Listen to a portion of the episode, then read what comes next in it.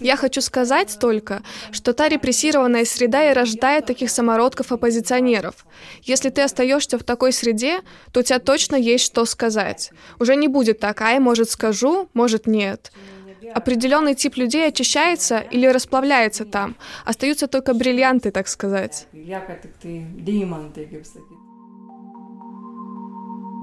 Говорит Вилма Фёкла Кюре, художница и активистка. Вы слушаете наш разговор в рамках проекта «Литовская реплика о русской культуре». Мы прослушивали и обсуждали с ней музыку, поэзию, говорили о любимых авторах, искали истоки общности и различий культур. Мы интересны Западу настолько, насколько мы понимаем русскую культуру. У нас очень много той культуры, которая в России намного сильнее выражена, и в нас она есть. Знаешь, такое же поведение с женщинами, мироощущение, мировосприятие и прочее. Мы вместе в одной империи долгое время находились, были частью Российской империи. Очень много общих культурных вещей. Все те шуточки, какие-то моменты дискриминации, просто сильнее все. Мы сейчас недавно смотрели российский фильм, называется «Норвежец». Это такая комедия, но только совсем не комедия.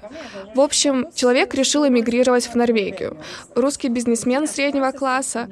Такой тип человека, который идет по улице и к нему цепляются гопники.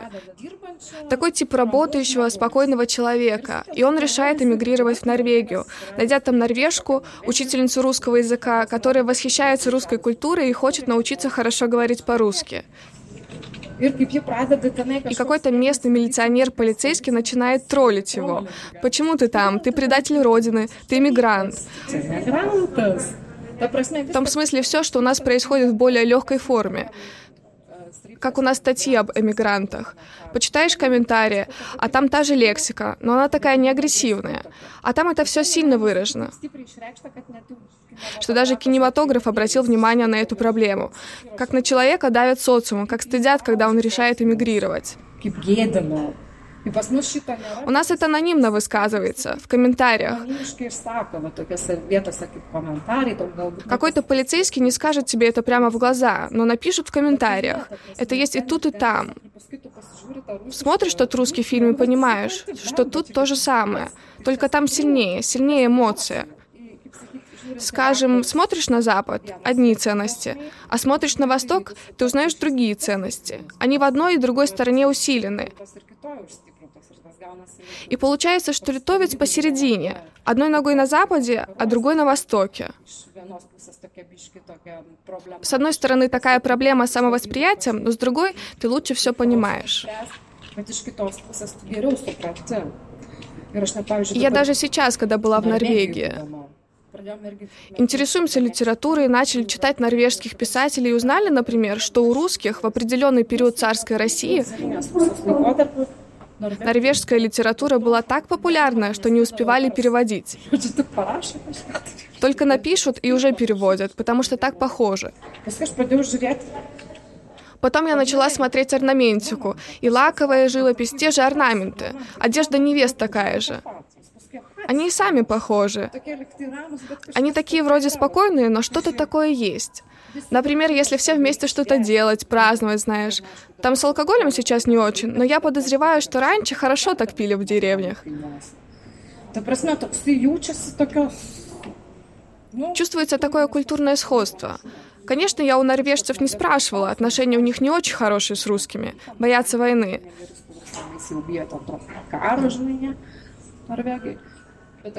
Но у финской художницы я спросила, не кажется ли ей похожим их творчество, фольклор, орнаментика, одежда. Конечно, говорит, варяги же.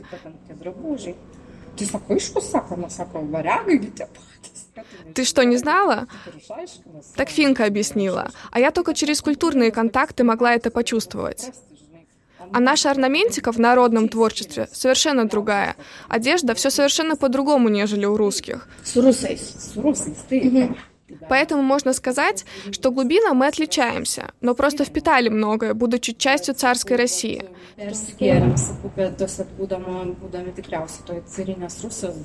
Но говорю, у нас есть такая особенность. Мы можем видеть со стороны, понять, опознать. Так вот, мне кажется, что это ценный опыт, как переводчики.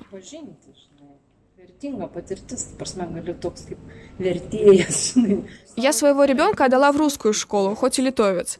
С 4 по 9 класс ходил в русскую школу в Поневежесе.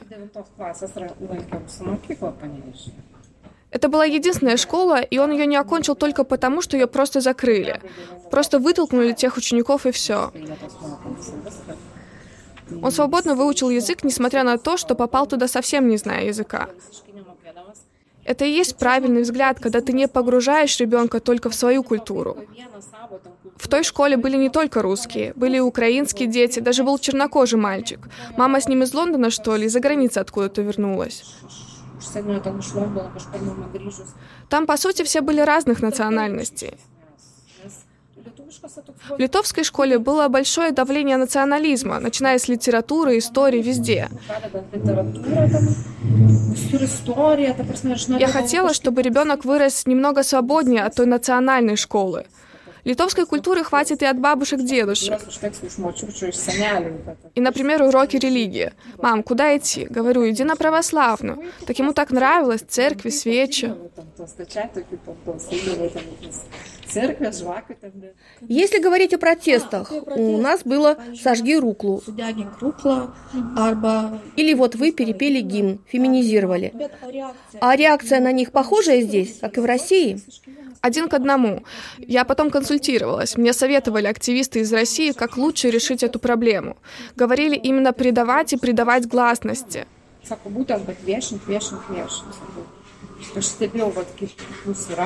Я наблюдала за Pussy Riot активистами. Так мы, можно сказать, все тоже делали.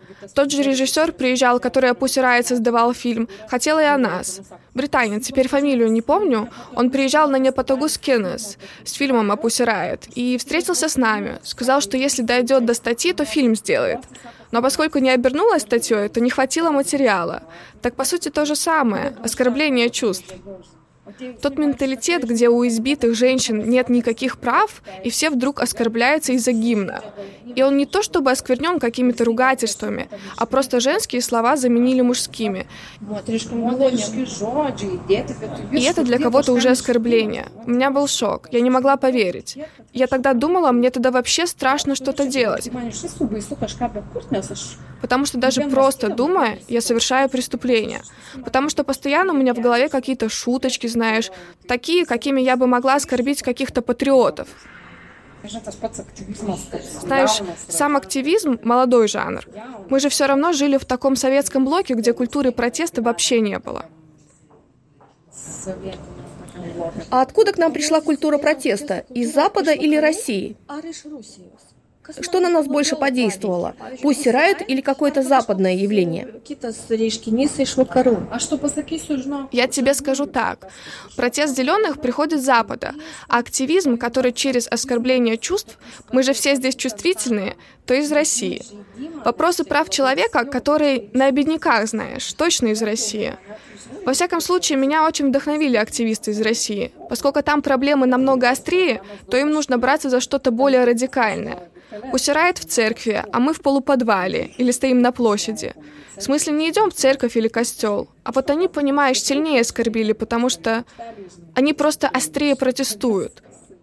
Поскольку у нас те же проблемы, то мы, можно сказать, те же чувства оскорбляем. Потому что, например, определение оскорбления было ровно таким же. Только там было оскорбление чувств верующих, а здесь было оскорбление чувств патриотов. Но шел тот же мотив оскорбления. Оскорбились.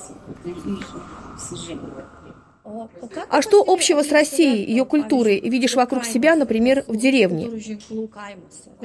Культура культуризма. Как посмотришь видео в интернете из русских деревень, все наши гопники похожи. Даже слово наше «морозы» от отморозок. Отморозок. Ты хочешь сказать, что гопник — это явление русской культуры? Соответствие. У нас есть свои, а у них свои, но они выглядят так же. С фоткой нашего Виталика и в Могилевской области какого-нибудь Виталика будут выглядеть одинаково, общий знаменатель.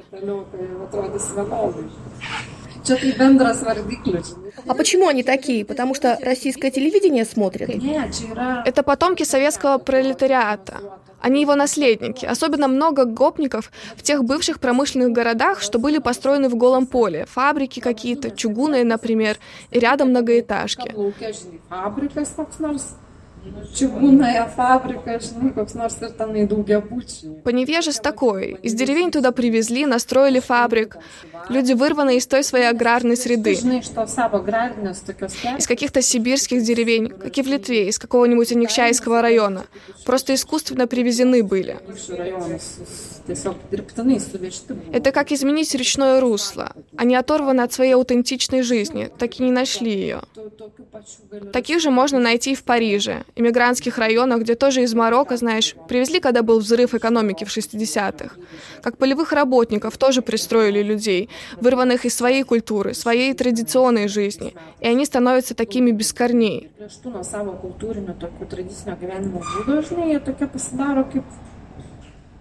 Тогда рождается некая гетто-культура. Живут отдельно и создают свою культуру, основанную на той якобы нормальности, строгого придерживания стандартам, и она совсем не развивается.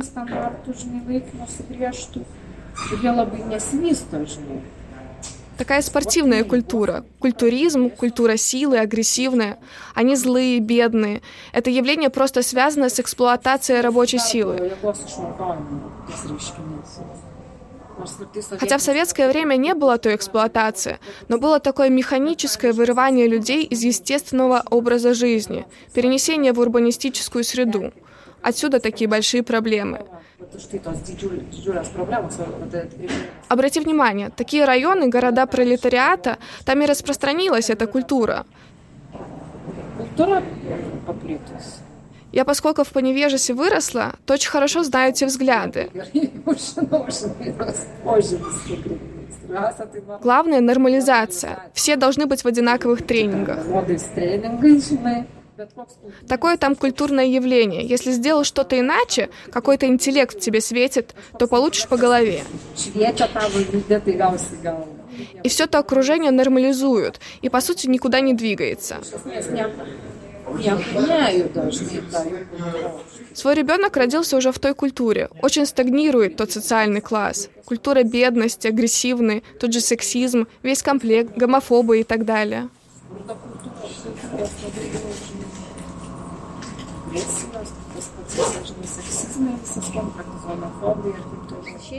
Выходит, мы нашли больше негативных явлений в нашей жизни. Ну нет, э, мы русскую литературу читаем, есть пара писателей, которые мне очень-очень нравятся. Например, Жадан. Я читала его книги и думала, что за ритм такой? Это же мой ритм. И потом он приехал сюда и рассказал о своем детстве и папе. И оказывается, его папа водитель, как и мой. А наше поколение мало ездило. Тогда мало у кого были свои автомобили. А у моего папы был и рабочий, и личный, и я практически выросла в автомобиле. Меня всюду возили, в деревню, еще куда-то, в Палангу, потом опять в деревню.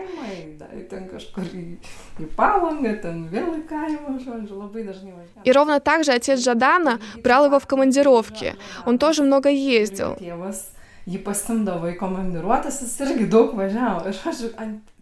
Словом, как этот детский опыт важен.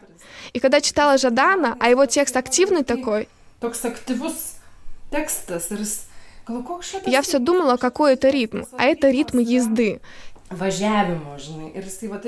И он тоже сумел создать свой внутренний язык, ритм. И когда ты его узнаешь, ты узнаешь и свой опыт, ловишь ту скорость. Очень-очень нравится.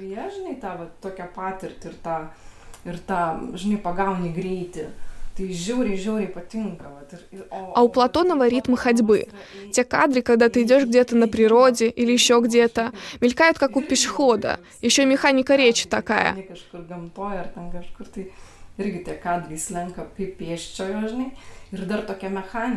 Два таких идеальных для меня писателя, которых я очень люблю. Конечно, Платонов на самом верху, это абсолютно гениально. Aišku, Platonovas jau čia virš visko yra, pačioj, pačioj viršūnėje, sakau, tai yra гениал абсолютно. Русский стоит учить хотя бы ради Платонова, только ради него. потому что его невозможно перевести.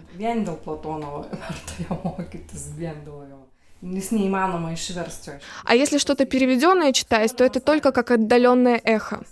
Ну вот, например, Платонова не каждый сумеет и прочитать. Там нужно почувствовать.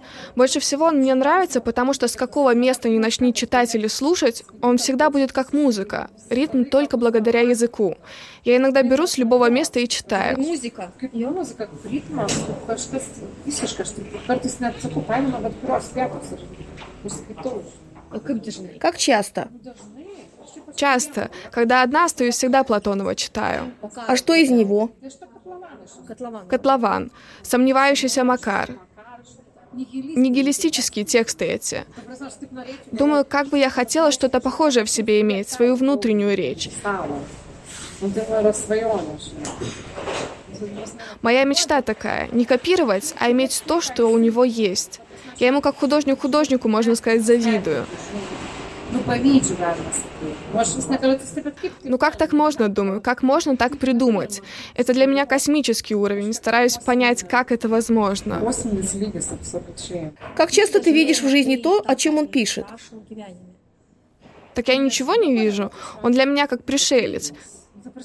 Правда, недавно начала думать о рабочей культуре. Очень много среди левых есть сочувствие к социальным проблемам, нуждающимся. Но понимаешь, никто не говорит о культуре работы. Как связана культура работы с доходом? Крайние либералы говорят, сколько будешь работать, столько и будет. Но это не так.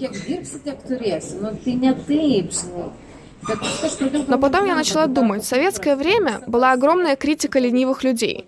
Паразитирование, анализ, гонение на работу, народные суды, рассматривание.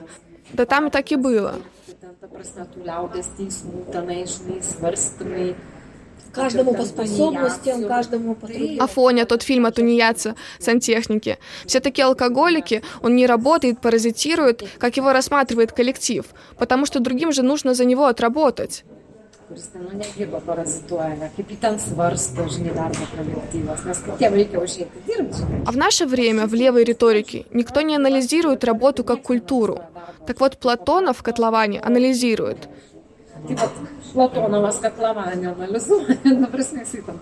Кто там и как думает. Один хочет подняться в должности. Там монотонная работа, смотря кому, какие надежды, ожидания рабочих.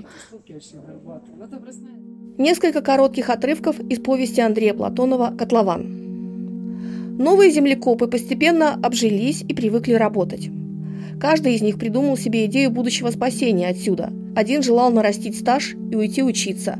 Второй ожидал момента для переквалификации. Третий же предпочитал пройти в партию и скрыться в руководящем аппарате. И каждый с усердием рыл землю, постоянно помня эту свою идею спасения.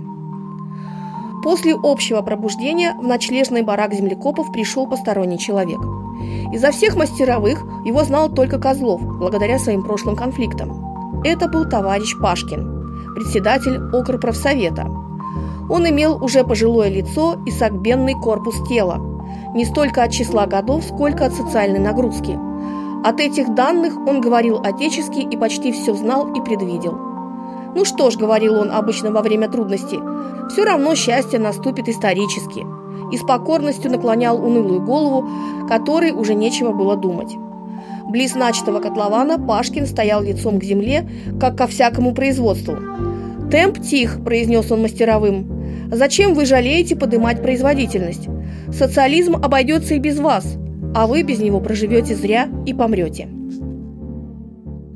социальные темы, но совсем по другим углом. Он смотрит не банально, не через идеологические предложения.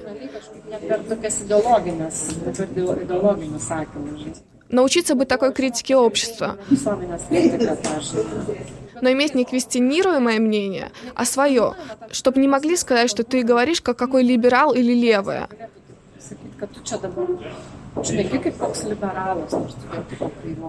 Хотела бы научиться говорить так, чтобы мысль не была предсказуемой.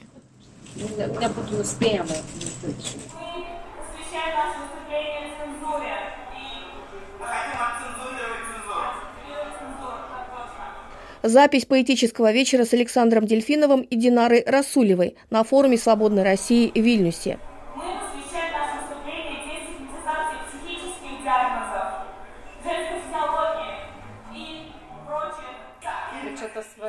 Но это тот вариант, когда они стараются быть похожими на актеров, и получается на самом деле брак.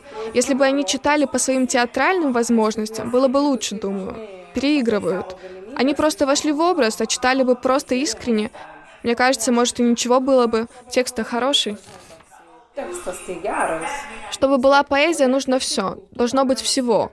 Потому что поэзия, вообще культура, искусство действуют как сочетание культурных сознаний. И когда начинают иерархию создавать, что тут графоманы, тут народные мастера, издеваться как-то, но именно весь тот творческий коллектив и вдохновляет.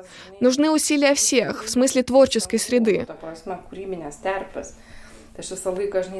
Так я все время стараюсь в любом творчестве искать какой-то позитив, клеточку какую-то, знаешь, в каком-то смысле культурный организм. Культурный организм, а и ты никогда не знаешь, может художник, который сейчас выглядит безнадежным, засияет. Например, когда долгое время наблюдаешь за людьми, за творческой карьерой, бывает так, что в юном возрасте такой подъем, и ты уже надеешься, что через пару лет вот это так будет, этот юный талант покажет. И ничего, одного таланта недостаточно. O čia dabar jau, žinai, po kiek metų, tai oi, čia dabar bus, čia jau šitas tai parodys ir nieko. Он начинает оппортунистически себя вести, просто копировать творчество каких-то национальных лауреатов, подыгрывать. Очень многое решает личностные качества. Иногда та коллективная среда очень сильно влияет даже на очень талантливого художника. Настроения очень важны. Kiekvienas svarbus, žinai, tos nuotaikos labai svarbios. У нас в литературе, в искусстве, можно сказать, очень много людей правой идеологии. Если бы нужно было левого выделить, нужно было бы собирать по одному и то. Все пытаются подчеркнуть, что они аполитичны. Хотя искусство, по сути, это пропаганда. Оно не может быть аполитичным. Не может быть. Оно либо левое, либо правое. Если ты представляешь правую идеологию, классику, очень высокое образование, иерархии, студию, чтобы что-то мог создать, aukštai, labai aukštą išsilavinimą, kad tu ten kažką galėtum ten sukurti, ten hierarchijos, ten studijos. И то левое, где каждый имеет право на творчество и самовыражение. А в России больше левых идей в искусстве? Так там сейчас вообще все становятся правыми. У меня есть друзья из изобразительного искусства, живописцы. Так кто на самом деле интересные, то у них подполье какое, или галерея на Западе. Но в России они просто игнорируемы. arba ten kažkokios vakaruose ten galerijos, bet Rusijoje jie tiesiog ignoruojami. А сюда они приглашаются? Не очень их сюда зовут. Смотря на андеграунд русских художников, не то что андеграунд, в провинции просто живут. Преподают где-то и создают искусство. Просто творят, как и мы в какие-нибудь 90-е. Делаешь, делаешь, и не знаешь ни зачем, никуда это пойдет. Ищешь, что-то может будет транслировано на Запад, надеешься на что-то kažko ieškai, liktai gal kažkas vakarus ten bus ištranслюota, tikiesi. Я специально не ищу, просто есть много друзей в Фейсбуке из активистов. Они делятся какими-то художниками, творчеством друзей, и ты там тот пульс ощущаешь.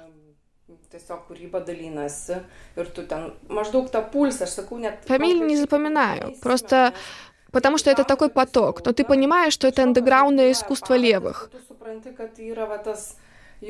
Tas undergroundinis kairiųjų toks menas kažkas. Какие-то галереи, подвалы, знаешь, заброшенные фабрики. Там кто-то приберется и выставляется. И есть то другое, официальное, где можешь получить через официальные какие-то источники.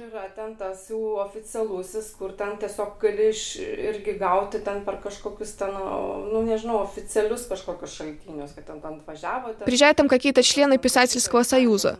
Гуглишь тот союз в России и видишь ту же структуру, которая была в советское время. Или, например, когда на официальные фестивали приезжают из России. Если не вмешаются наши модернисты, то и привезут каких-нибудь рифмующих писателей, которые верлибры презирают. Все еще рифмуют, сонеты все еще пишут. Rašytojas, kur dažnai verlybra niekina, žinai, ir, ir tiesiog, žinai, vis dar rimuoja, войникус, dar тeberašo. Есть такое разделение естественное. Во всем мире это есть.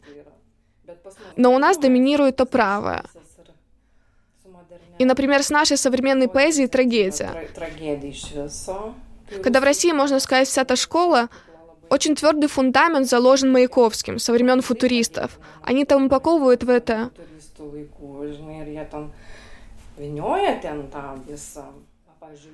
Например, Ленор Горелик. Я на нее подписалась и слежу за творчеством. Она визуальную поэзию делает, с такими комиксами. Просто суперское творчество. Из поэтов Кузьмин, Сбежал из России жил около Риги, где-то в Венспилесе. Приезжал сюда на поэзию с Павасарис. Прекрасное творчество.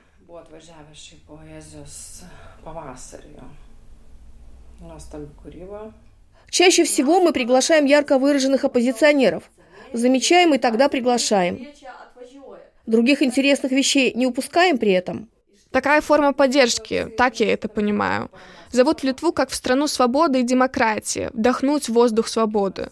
Думаю, что пытается выразить солидарность, поддержку, как демократическая страна, такая политика.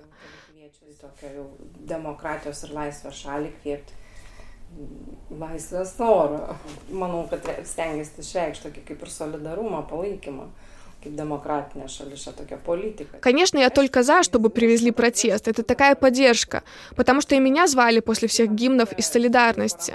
Я была и в Нидерландах, там, где ты, может, даже и не побываешь сам. Я думаю, это хорошая практика. esu ir Olandijoje pabuvojus ir, ir tiesiog, kur net tu net, net nenukeliautum šiaip токio būdama оппозицией. Там. Потому что те финансируемые государством, им обычно хватает и путешествий, и внимания. А приглашая сюда оппозиционеров, выравниваем ситуацию. Dabar kviesdami čia opozicionierius tiesiog užpildom tą tokią spragą nelygybės. Мы, конечно, меньше информации получаем обо всем спектре той культуры, что в России происходит. Но это и технически невозможно. Кто очень интересуется, тот может сам найти в интернете, съездить в конце концов. Такая практика во всем демократическом мире. Tokia praktika visam pasauliu, taip demokratiniam. Записала в Вильнюсе еще Марию Алехину из Пусси Райт. Мы сидели в полицейском отделении Китай-города, пили кофе из автомата, грелись, смеялись. Главное, чтобы не отобрали гитару, денег давно у нас не было. Дура, девки, замерзнут же, сказал сержант, пока мы слезали с покрытых ледяной коркой каменных бортов лодного места. Ливневый снег 11 градусов, давление 151 миллиметр, влажность 85%. Стоишь на камне, кажется, вот-вот упадешь. А высота метр три, а дело даже не в высоте. Падать нельзя, потому что второго раза не будет. Мы после раз вышли на площадь с желанием другой истории. Потому что та, в которой президент превращался в императора, нас не устраивала. Нас тошнило от лжи, от несменяемой картинки в телевизоре, бесконечные сюжеты про долгую счастливую жизнь, за которой в реальности не было ничего. Бунт, срыв – это всегда красота. Вот почему я заинтересовалась. В школе я хотела рисовать граффити, училась на задних листах тетрадки. А если на первых листах тетрадки записываешь уроки... Ну, а что, что я могу сказать? Жалко молодого человека. Слушая, кажется, что говорит пожилая женщина, уставшая от жизни. Пишет мемуары, знаешь, книги воспоминаний. Это жестоко, ужасно жалко человека. Это сломленный, уставший и постаревший без времени человек. Это похоже на то, как, знаешь, бывает... Бывает, прожил человек жизнь, и оказывается, ничего значительнее, чем, например, служение в советской армии, не произошло. Знавала одного такого соседа. Зовет в гости, приходи. А когда приходишь, то обязательно показывает тот альбом из советской армии. Хотя времена изменились, никому не интересна эта армия, а он все равно достает тот альбом. Думаю, что действительно это был самый важный этап в его жизни. И вот в старости он все его вспоминает, как он шел, как он что-то делал. И это вот рефлексия на то событие. Просто если бы она продолжала, было бы всего больше. Устала она, скорее всего, все равно не прошло это без последствий. Там, например, тюрьма на самом деле жестокое испытание. Кто бы как ни смотрел, я оцениваю это иначе, нежели многие. Ой, там тюрьма просто. Мне хватило побыть в тюрьме пару часов. Я была как свободный человек, навещала ромов. Участвовала в мероприятии. И мне хватило того времени понять, как это страшно, как это влияет на человека. Все равно пару лет отсидеть в той страшной тюрьме со всеми теми, знаешь, советскими еще.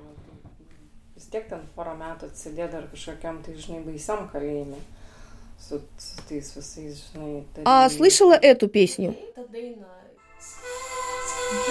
Очень классно, очень. И как сказать, объединен весь тот хороший опыт, и вроде бы как звучание группы Тату и тех же Pussy Riot. Ir tatu liktai tokia skambesys grupės, žinai, tos pačios pusirajot, žinai, tokia, žinai, радикалумо. Есть радикальность, о чем я и говорила, коллективное сознание.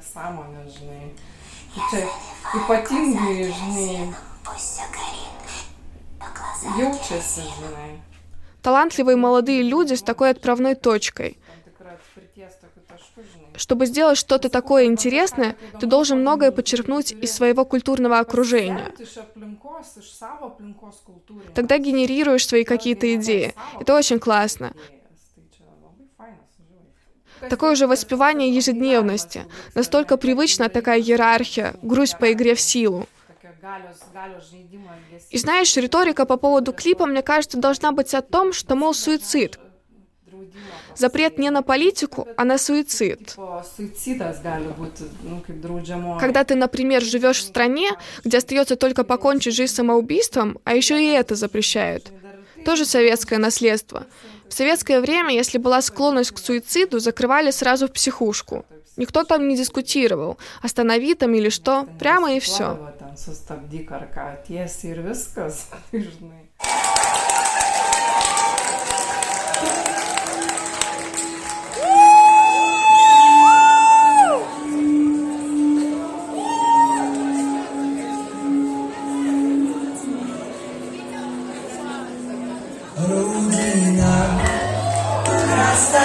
красная Родина, Вера чудесный сад, Расу я мываешься. Родина, простая смородина, Дерзкий чистый сад, Расу я мываешься. Запись концерта Антохи МС в Вильнюсе. А, Антоха, все клипы пересмотрела. Мне очень понравилась в клипах его одежда. Как в советское время в правтехе начинающая швея моделирует одежду. Такой стиль 80-х, 90-х. Только то, что он осмеливается петь, это сильный вызов. Это хорошая концепция критики через позицию антигероя. В таком государстве с его военной мощью, культом силы,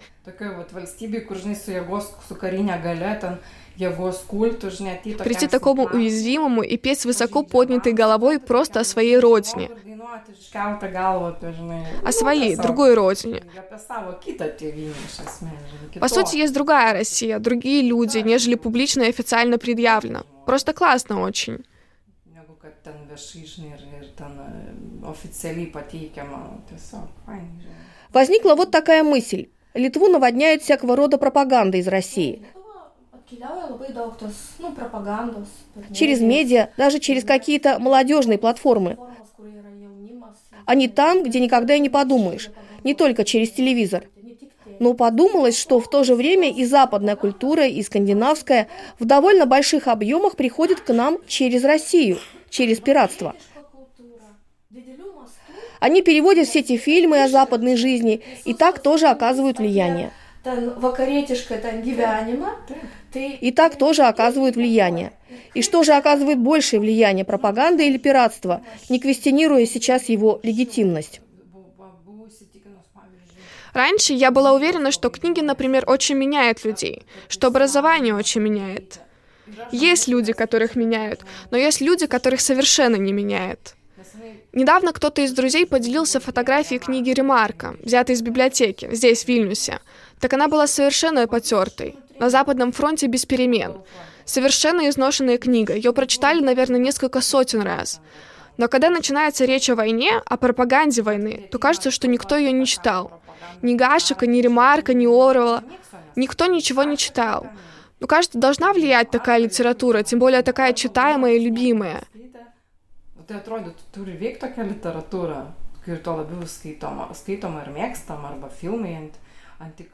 И антивоенные фильмы.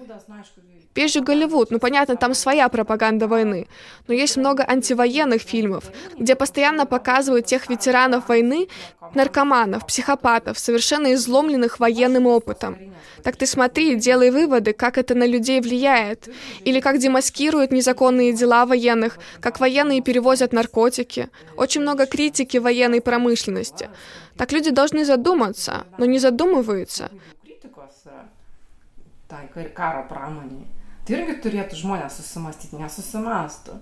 Aišku, ten Конечно, есть такие люди, которых и образование меняет, а другой свое образование использует для создания коррумпированных схем, отмывания денег. Да, но если вернуться, все-таки много тех знаний о западном мире пиратированные. Невозможно даже оценить ту услугу, которую делают русские пираты литовскому обществу, развлекательную и эдукационную. На самом деле большинство, как я знаю, мое поколение, смотрит от русских пиратов.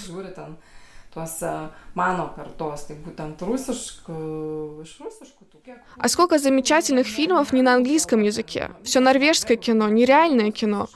Ничего плохого в этом нет. Сами все эти корпорации уже говорят об экономике дарения, что лучше там рекламу какую вставить в фильм, чем авторские права поставить. Тогда человек не сможет осилить такой фильм. Если бы было как в Норвегии, что человек даже не почувствует этих расходов. Я бы с удовольствием покупала, хотя бы потому, что качество лучше.